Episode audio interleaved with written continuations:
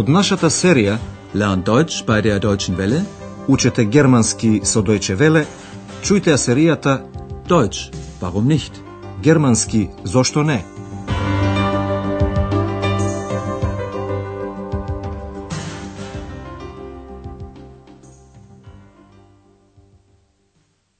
Liebe Hörerinnen und Hörer.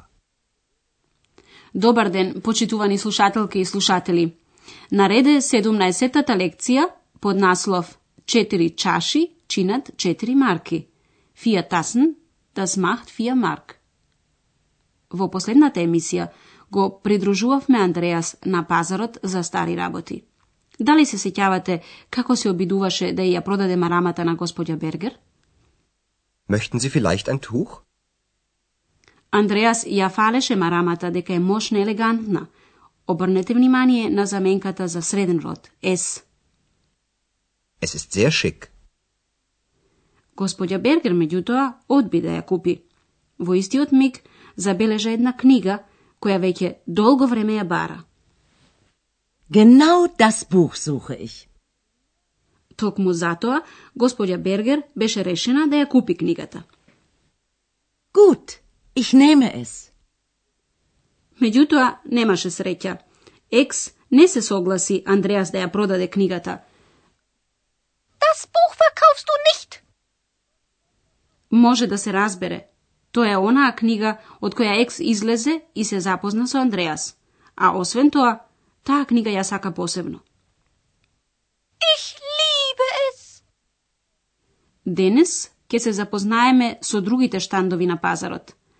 Познато ви е дека на такви пазари за стари работи луѓето шетаат, гледајки дали ќе најдат нешто ефтино или нешто несекојдневно, ретко. Сега ви го представуваме првиот разговор. Станува збор за облека, за една блуза, блузе.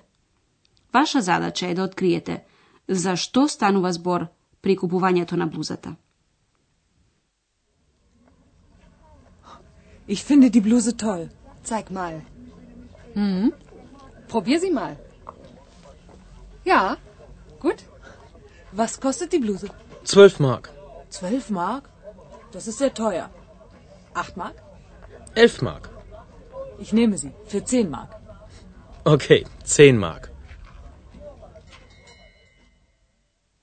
Типична пазарска сцена.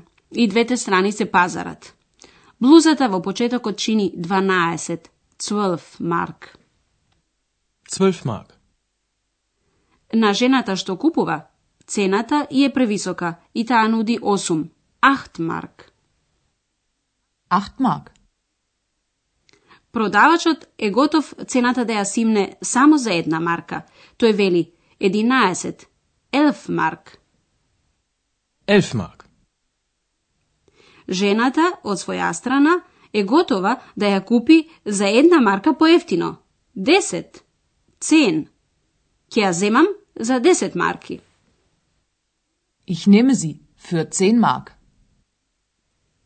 Имаше среќа што со таа цена се согласи продавачот, бидејќи тој слушна како таа рече дека блузата е прекрасна. Тоа му го кажа на пријателот. Блузата е прекрасна. Ich finde die Bluse toll. Чујте го сега вториот диалог. Станува збор за садови, чаши, tassen. Pa da čuje.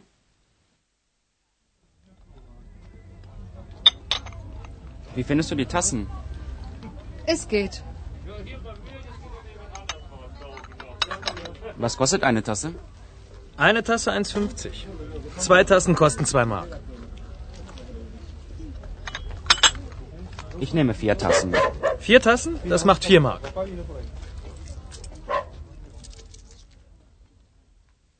Откако пријателот ги забележа чашите, ја праша пријателката. Како ти се допаѓаат чашите? Wie findest du die Tassen? Таа не е кој знае колку одушевена, па вели. Така и така. Es geht. Сепак, тој прашува за цената. Една чаша чини 1,50, 1,50. Значи, една марка и 50 фенензи. Две чаши се поевтини. Две, цвај, чинат две марки. Eine Tasse 1,50. Zwei Tassen kosten 2 Mark. Купувачот сака 4, фија, чаши. Продавачот смета. 4 чаши чинат 4 марки. Vier Tassen? Das macht 4 Mark. Чујте го сега третиот диалог.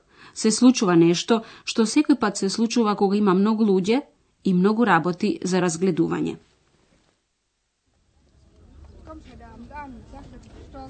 Mama. Mama. Mama, wo bist du? Wo ist deine Mama? Ich weiß es nicht. Komm, wir suchen sie. Секако дека забележавте, оти станува збор за едно дете во потрага по неговата мама. Мама. Една жена која се најде кај него му вели: Дојди, ќе ја бараме. Komm, wir suchen sie. Секако дека и екс направи една мала прошетка и откри нешто типично германско. Едно џудже што се става во градина, кое обично е од глина, гипс или друг материјал. Gartenzwerg. Ima džuđinja su crveni kapi, crveni obrazi i dolga bela brada. X je oduševen.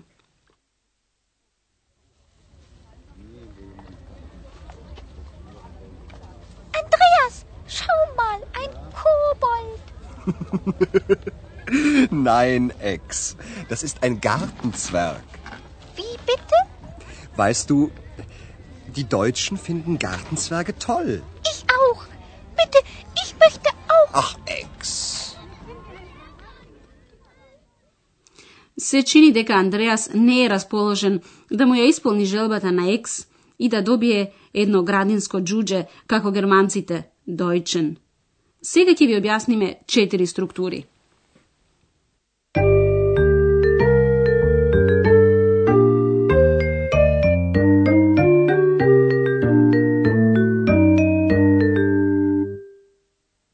Ако од некого нешто бараме, употребуваме заповеден начин, императив. Во второ лице еднина, додатокот на глаголот ст отпаѓа. Ти, ду, исто така отпаѓа. Zeig mal. Probier die Bluse mal. Во емисијата ја слушнавте и заменката, односно членот ди, за именки во женски род. За еднина и множина, заменката гласи таа, зи. Was kostet die Bluse? Was kostet sie? Probier die Bluse mal. Probier sie mal. Освен тоа, се запознавте и со глаголскиот додаток n за трето лице множина, значи исто како и за неопределениот начин, инфинитив. Finden. Die Deutschen finden Gartenzwerge toll. На крајот, ќе ви објасниме синтаксата, поточно речено, ќе ви кажеме нешто за глаголите и нивните додатоци, што зависат од самиот глагол. Глаголот одредува колку и кои додатоци ќе се наоѓаат во реченицата. Во денешнава и минатата лекција слушнавте глаголи што имаат акузативно дополнување, значи директен предмет. Чујте некои примери. Во почетокот го земаме глаголот, а потоа примерите. Да почнеме со проба.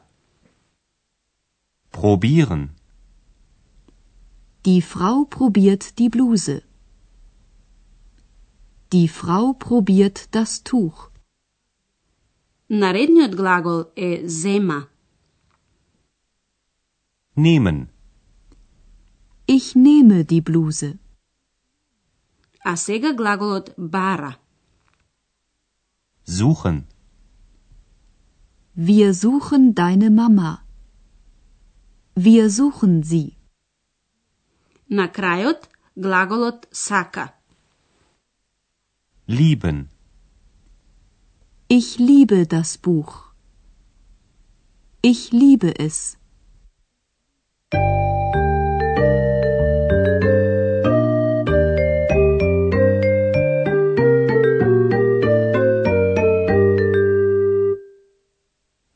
На крајот чујте одолни сцени. Почнуваме со купувањето на блузата.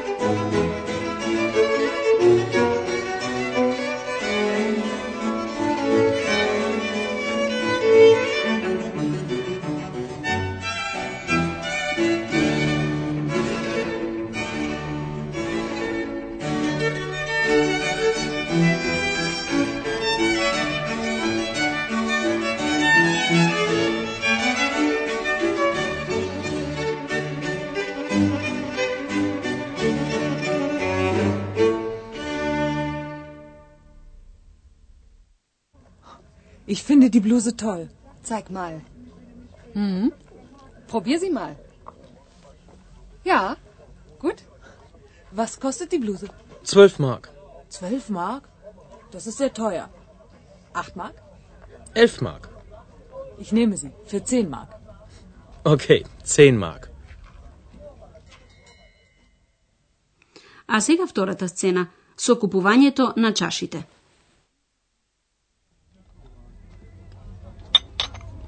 Wie findest du die Tassen? Es geht. Was kostet eine Tasse? Eine Tasse 1,50. Zwei Tassen kosten 2 Mark. Ich nehme vier Tassen. Vier Tassen? Das macht 4 Mark.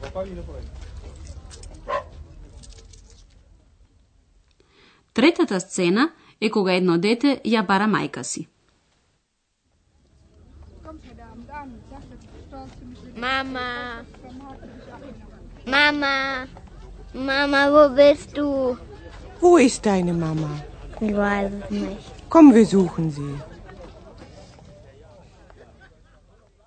И последната сцена со градинските џуџиња.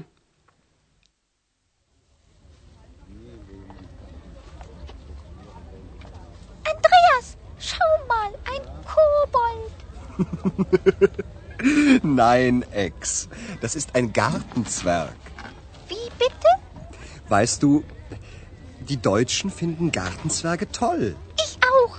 Bitte, ich möchte auch. Ach, Ex.